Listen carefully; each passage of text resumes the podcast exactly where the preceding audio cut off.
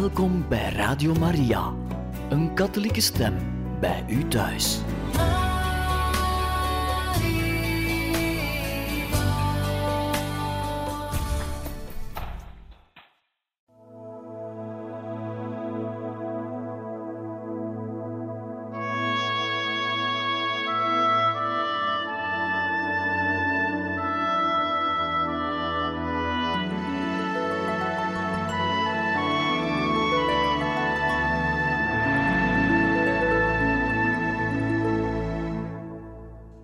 Beste luisteraars van Radio Maria, van harte welkom in het programma Heiligen Getuigen, waar wij u verder voorlezen uit het boek Mijn levensverhaal, geschreven door de heilige Thérèse van Lisieux.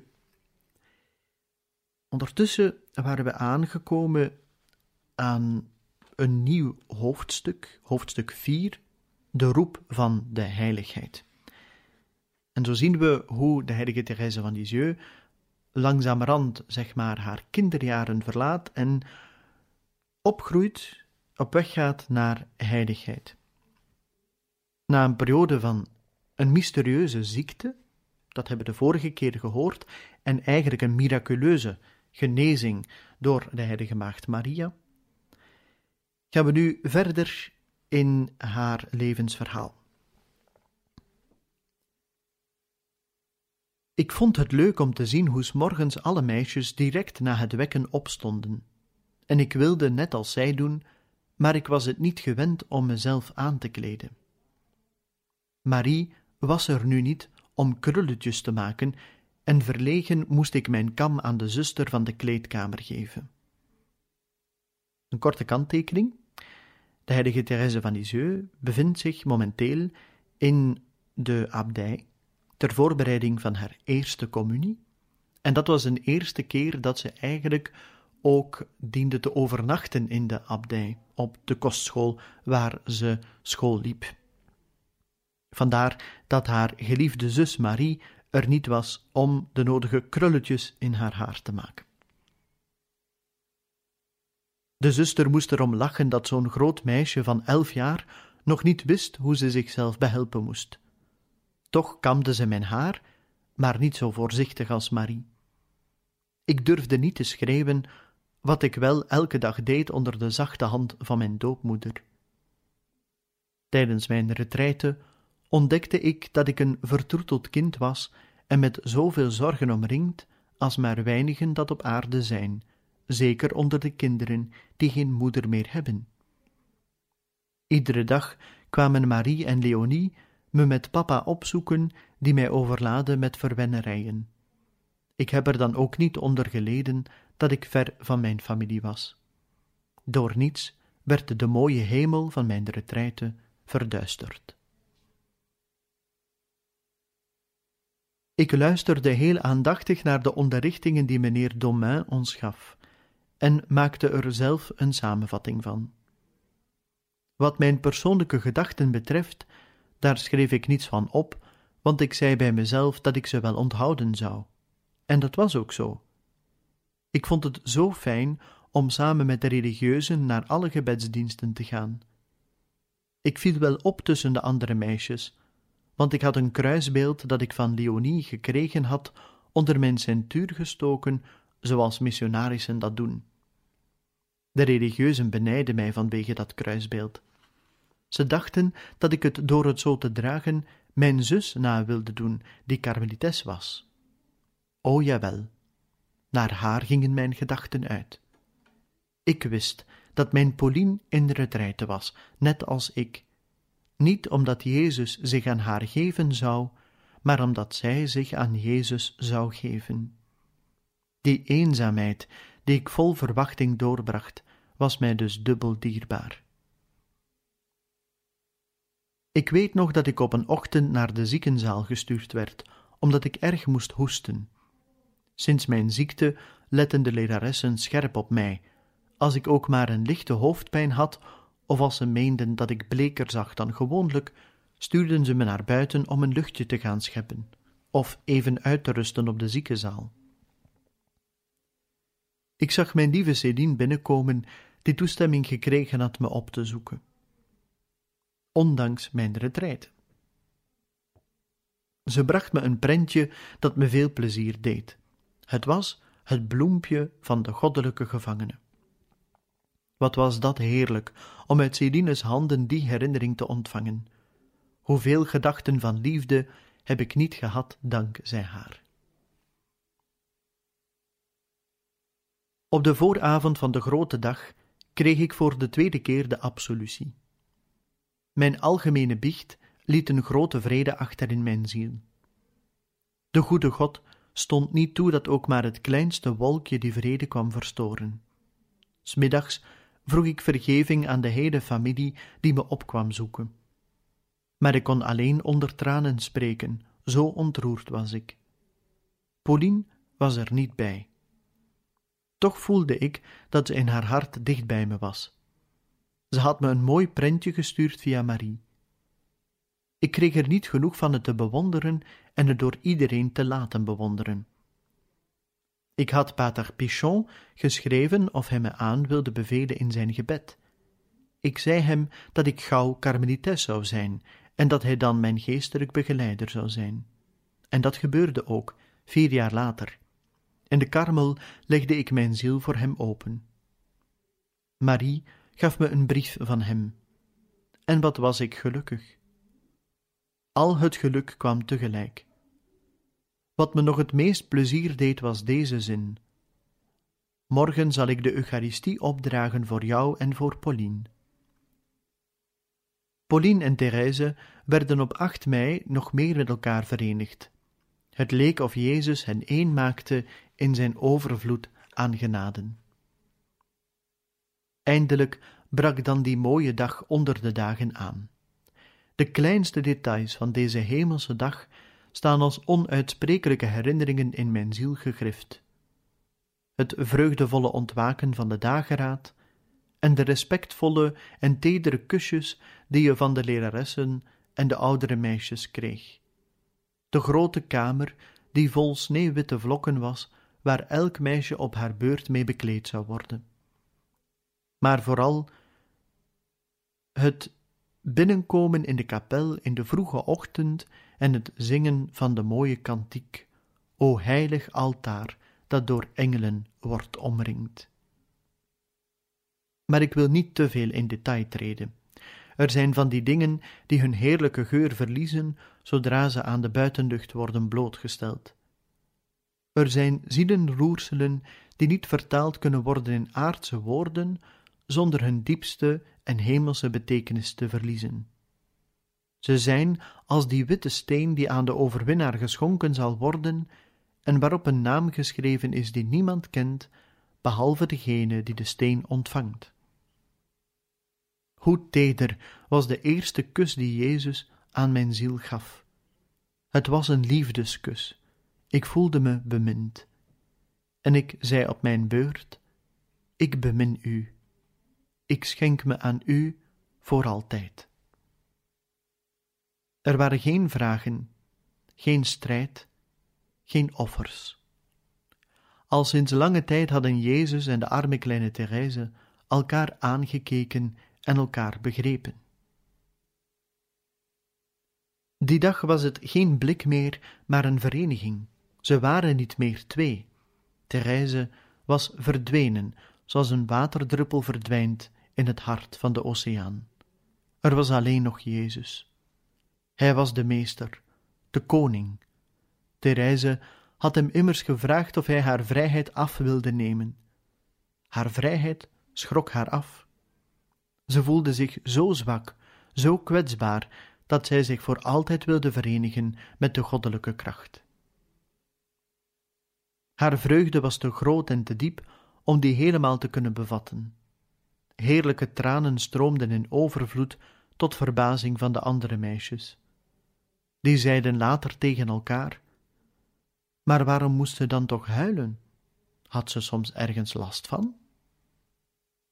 Nee, het was eerder omdat haar moeder er niet bij was, of vanwege de afwezigheid van haar zus, waar zij zoveel van houdt en die karmelites is. Ze begrepen niet dat een hart en ballingschap, wanneer het de volle hemelse vreugde ontvangt, dit niet verdragen kan zonder in tranen uit te barsten.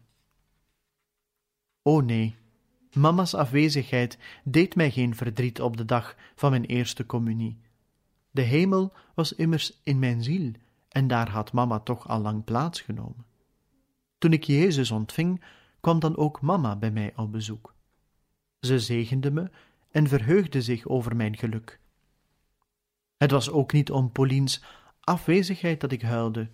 Ik zou natuurlijk blij geweest zijn als ik haar naast me had zien staan, maar dat offer had ik al lang aanvaard. Op die dag was het enkel vreugde die mijn ziel vervulde. Ik verenigde me met haar, die zich onherroepelijk schonk aan degene die zich zo liefdevol aan mij schonk.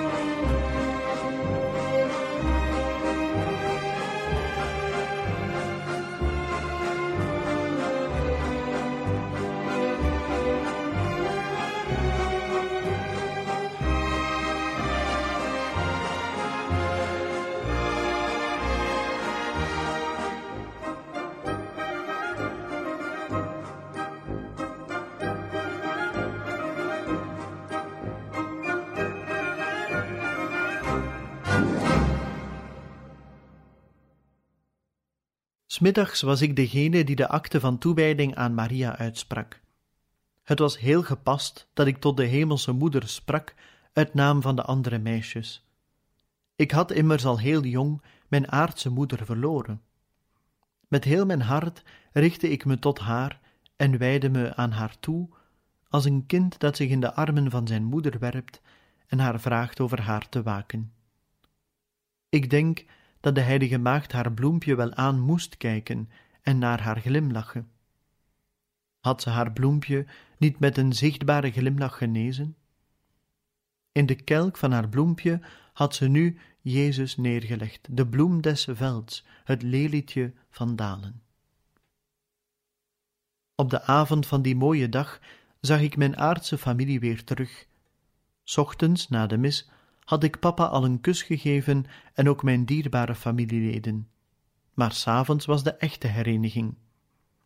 Papa nam zijn koninginnetje bij de hand en nam haar mee naar de karmel. En daar zag ik mijn Pauline, die de bruid van Jezus geworden was. Ik zag haar met haar witte sluier, zoals ik die ook had, en met haar kroontje van rozen. Mijn vreugde kende geen bitterheid. Ik hoopte dat ik snel bij haar kon komen om met haar samen uit te zien naar de hemel. Ik was niet ongevoelig voor het familiefeest dat op de avond van mijn eerste communie gehouden werd. Het mooie horloge dat ik van mijn koning kreeg deed me veel plezier, maar mijn vreugde was rustig en niets kwam mijn innerlijke vrede verstoren.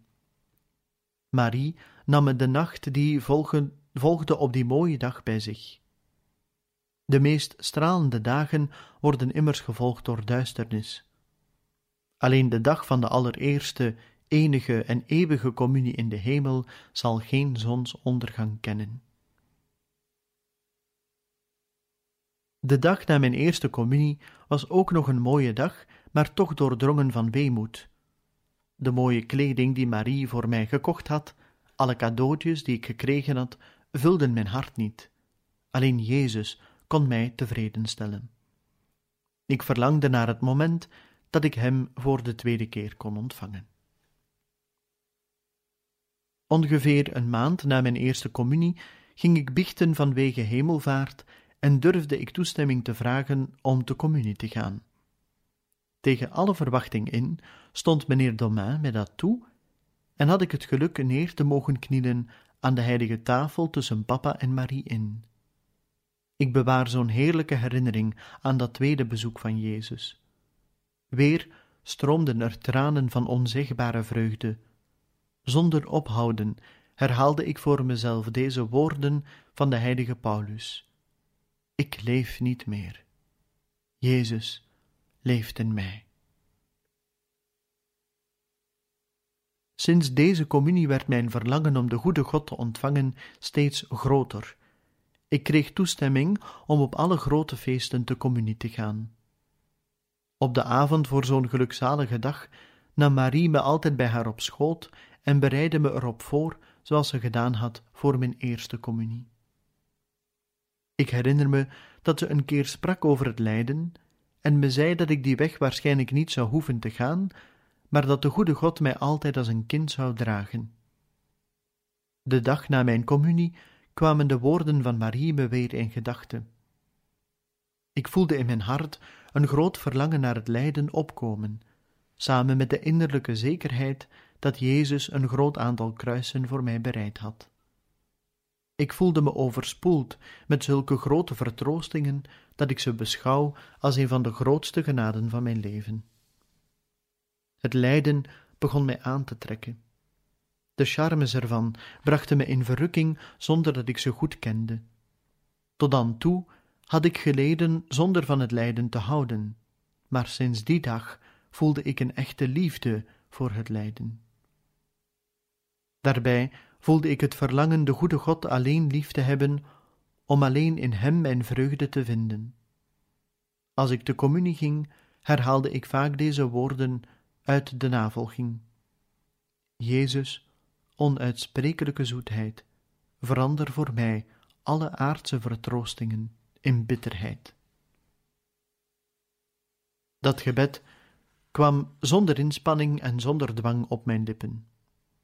Het leek me dat ik het herhaalde niet uit eigen wil, maar als een kind dat de woorden nazegt van iemand die ze ingeeft. Verderop zal ik je zeggen, lieve moeder, hoezeer het Jezus behaagd heeft mijn verlangen uit te doen komen, hoezeer alleen Hij altijd mijn onuitsprekelijke zoetheid was. Als ik je er nu meteen over zou spreken, zou ik vooruit moeten lopen op mijn leven als jong meisje, maar er zijn nog veel details die ik je wil geven over mijn kinderjaren. Korte tijd na mijn eerste communie ging ik opnieuw in de retraite voor mijn vormsel. Ik had me met veel zorg voorbereid op de komst van de Heilige Geest.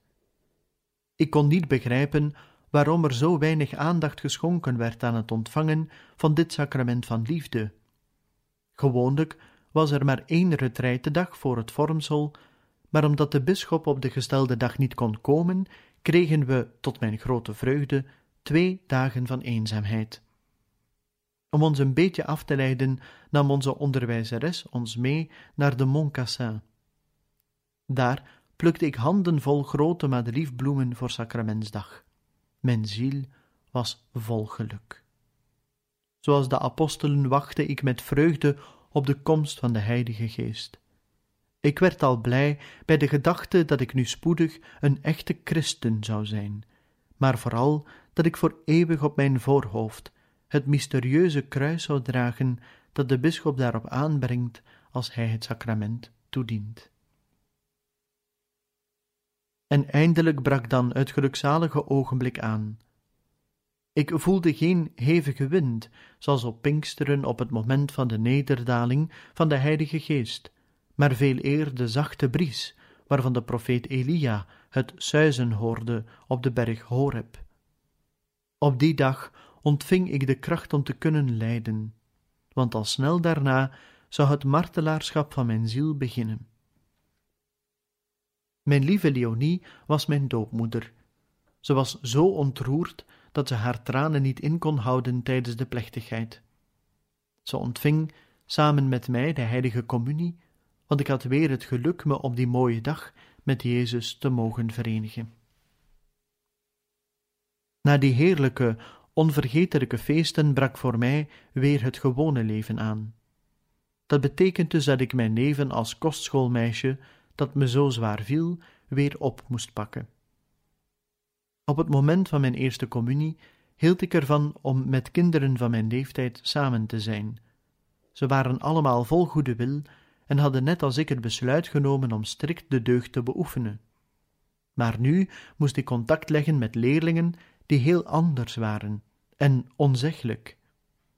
Ze wilden de regels niet navolgen en dat maakte me erg ongelukkig. Ik had een vrolijk karakter, maar ik wist niet hoe ik mee moest doen met de spelletjes van mijn leeftijd. Tijdens de recreatie ging ik vaak tegen een boom staan. Vanaf die plek keek ik naar wat er allemaal te zien was, terwijl ik in serieuze overpeinzingen verzonken was. Ik had een spelletje bedacht dat ik graag deed: kleine vogeltjes begraven die we dood onder de bomen vonden. Veel meisjes wilden me helpen, en zo werd ons kerkhofje erg mooi. Er stonden bomen in en bloemen en alles naar de maat van onze kleine gevederde vriendjes. Ik hield er ook van om verhalen te vertellen die ik zelf bedacht. Die kwamen zo ineens in me op. Mijn vriendinnetjes kwamen snel om me heen zitten. Soms voegden zich meisjes die al wat ouder waren bij het groepje luisteraars. Hetzelfde verhaal duurde een aantal dagen. Ik vond het leuk om een verhaal steeds interessanter te maken, naar gelang de indruk die het maakte en die van de gezichten van mijn vriendinnetjes af te lezen was. Maar al gauw verbood de lerares me om mijn vak als redenaar uit te oefenen. Ze wilde ons zien spelen en rennen, en niet zien redeneren.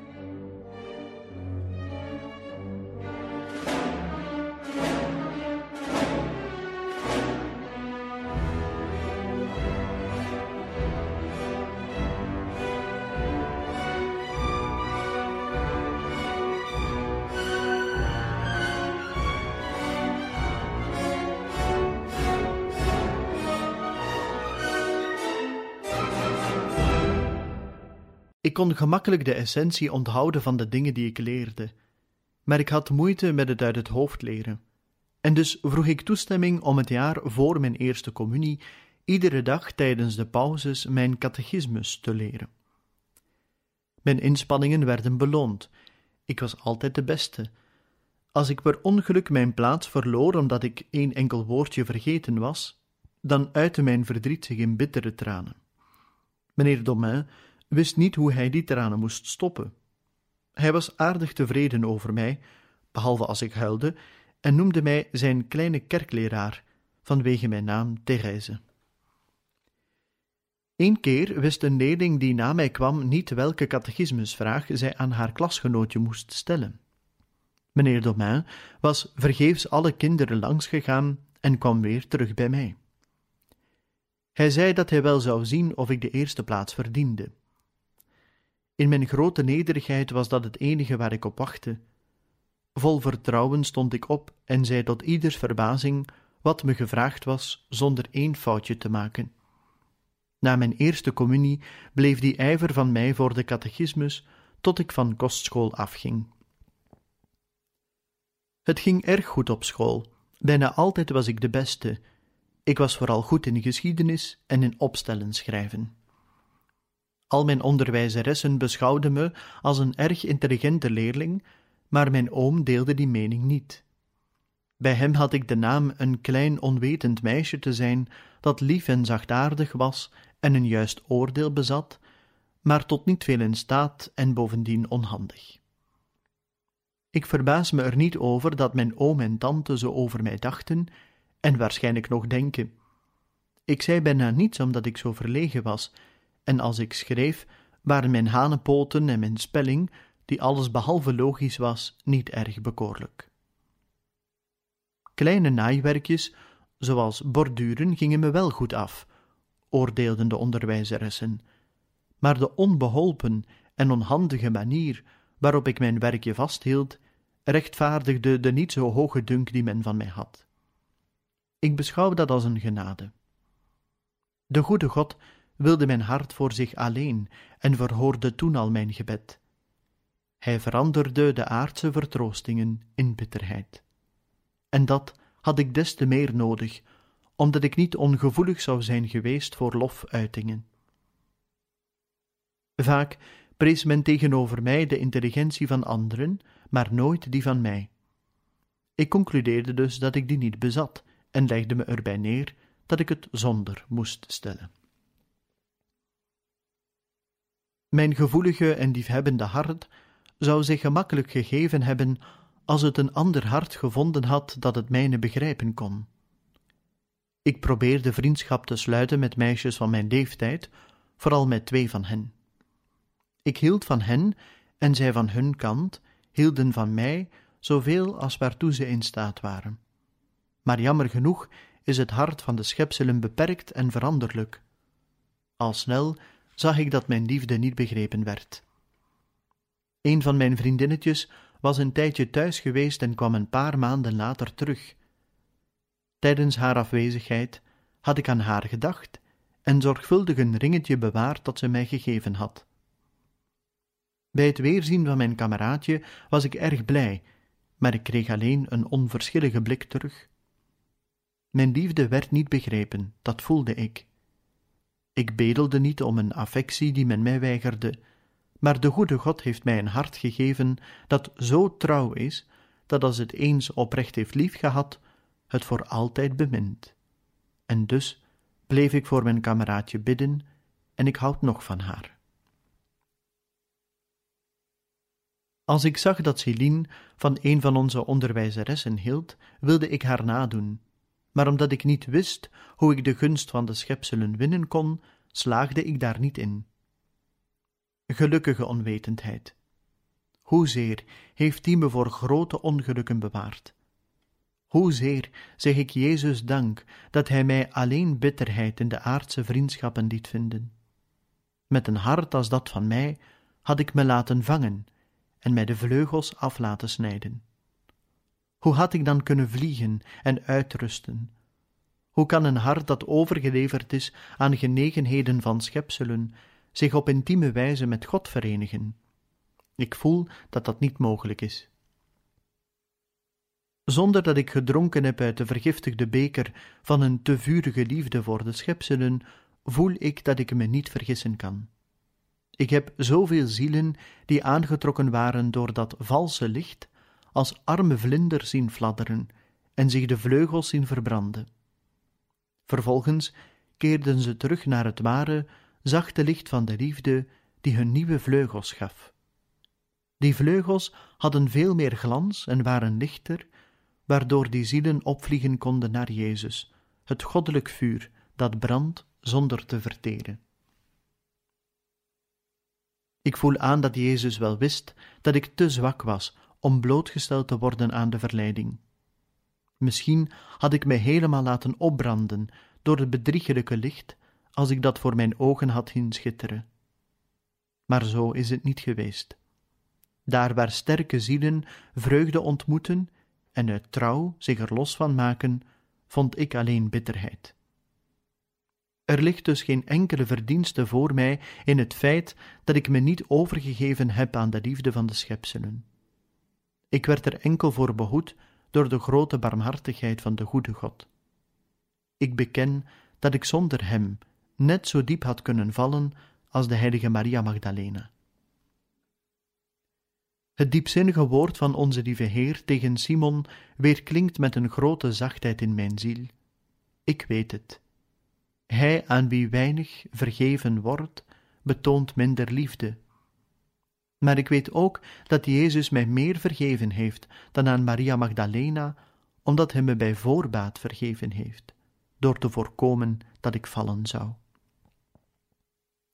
Ik zou zo graag uit willen leggen wat ik voel. Ik zal een voorbeeld geven dat een beetje mijn gedachten weergeeft. Ik stel me een zoon van een kundig arts voor. Onderweg stoot die zoon zich tegen een steen, waardoor hij komt te vallen. Bij zijn val breekt hij een arm of been. Meteen komt zijn vader op hem af. Die helpt hem met liefde opstaan en verzorgt zijn wonden, waarbij hij alle middelen aanwendt die de geneeskunst hem biedt. Al snel is zijn zoon helemaal genezen en bewijst hij zijn vader zijn dank. En hij heeft ongetwijfeld gelijk dat hij zijn vader lief heeft. Maar ik stel me nog iets anders voor. Omdat de vader weet dat er op de weg van zijn zoon een steen ligt, haast hij zich voor hem uit en neemt die steen weg, zonder door iemand gezien te worden. De zoon, degene naar wie de vooruitziende tederheid uitging, weet natuurlijk niet welk ongeluk hem bespaard is gebleven door toedoen van zijn vader. Hij zal hem dus niet zijn dankbaarheid betonen en minder van hem houden dan wanneer hij door hem genezen was. Maar als hij te weten komt aan welk gevaar hij ontsnapt is, zou hij dan niet nog meer van zijn vader houden? Nou, ik ben dus dat kind, degene naar wie de vooruitziende liefde van een vader uitgaat, die zijn woord niet gezonden heeft om rechtvaardigen te verlossen, maar zondaars. Hij wil dat ik van hem houd, omdat hij me niet veel, maar alles heeft vergeven. Hij heeft niet gewacht tot ik veel van hem ging houden, zoals de heilige Maria Magdalena, maar hij wilde dat ik wist hoe hij van mij gehouden had met een onuitsprekelijke, vooruitziende liefde. Daardoor houd ik nu uitzinnig veel van hem. Ik heb wel eens horen zeggen dat er nog nooit een reine ziel geweest is die meer lief had dan een berouwvolle ziel. Wat zou ik graag dit woord logenstraffen. En zo, beste luisteraars, zijn we aan het einde gekomen van deze aflevering van het programma Heiligen Getuigen, waar we u voorlezen uit het boek Mijn levensverhaal, geschreven door de heilige Therese van Lisieux. Opnieuw kregen we wat meer inzicht in haar spiritualiteit als jong meisje. En zien we dus ook hoe zij in een grote dankbaarheid zich bewust is van het feit dat God haar bewaard heeft voor heel veel zaken. Wanneer we zouden denken dat dit kind reeds al zo'n geur van heiligheid bezat, zouden we kunnen zeggen, reeds zo sterk op weg was naar heiligheid, dan zien we dat God haar op een bijzondere wijze heeft willen behoeden voor veel zaken. En ook dat mag ons sterken wanneer we die genade niet zouden ontvangen hebben in ons leven, te weten dat wij als die zoon mogen zijn, kunnen zijn, zoon of dochter, wanneer we vallen op onze weg, dat de Vader er is om onze wonden te verzorgen. Een volgende keer gaan we verder en gaat de heilige Therese van Lisieux ook verder over haar onderwerp, het jaar na haar eerste communie. Van harte dank en nog een bijzonder fijne dag gewenst.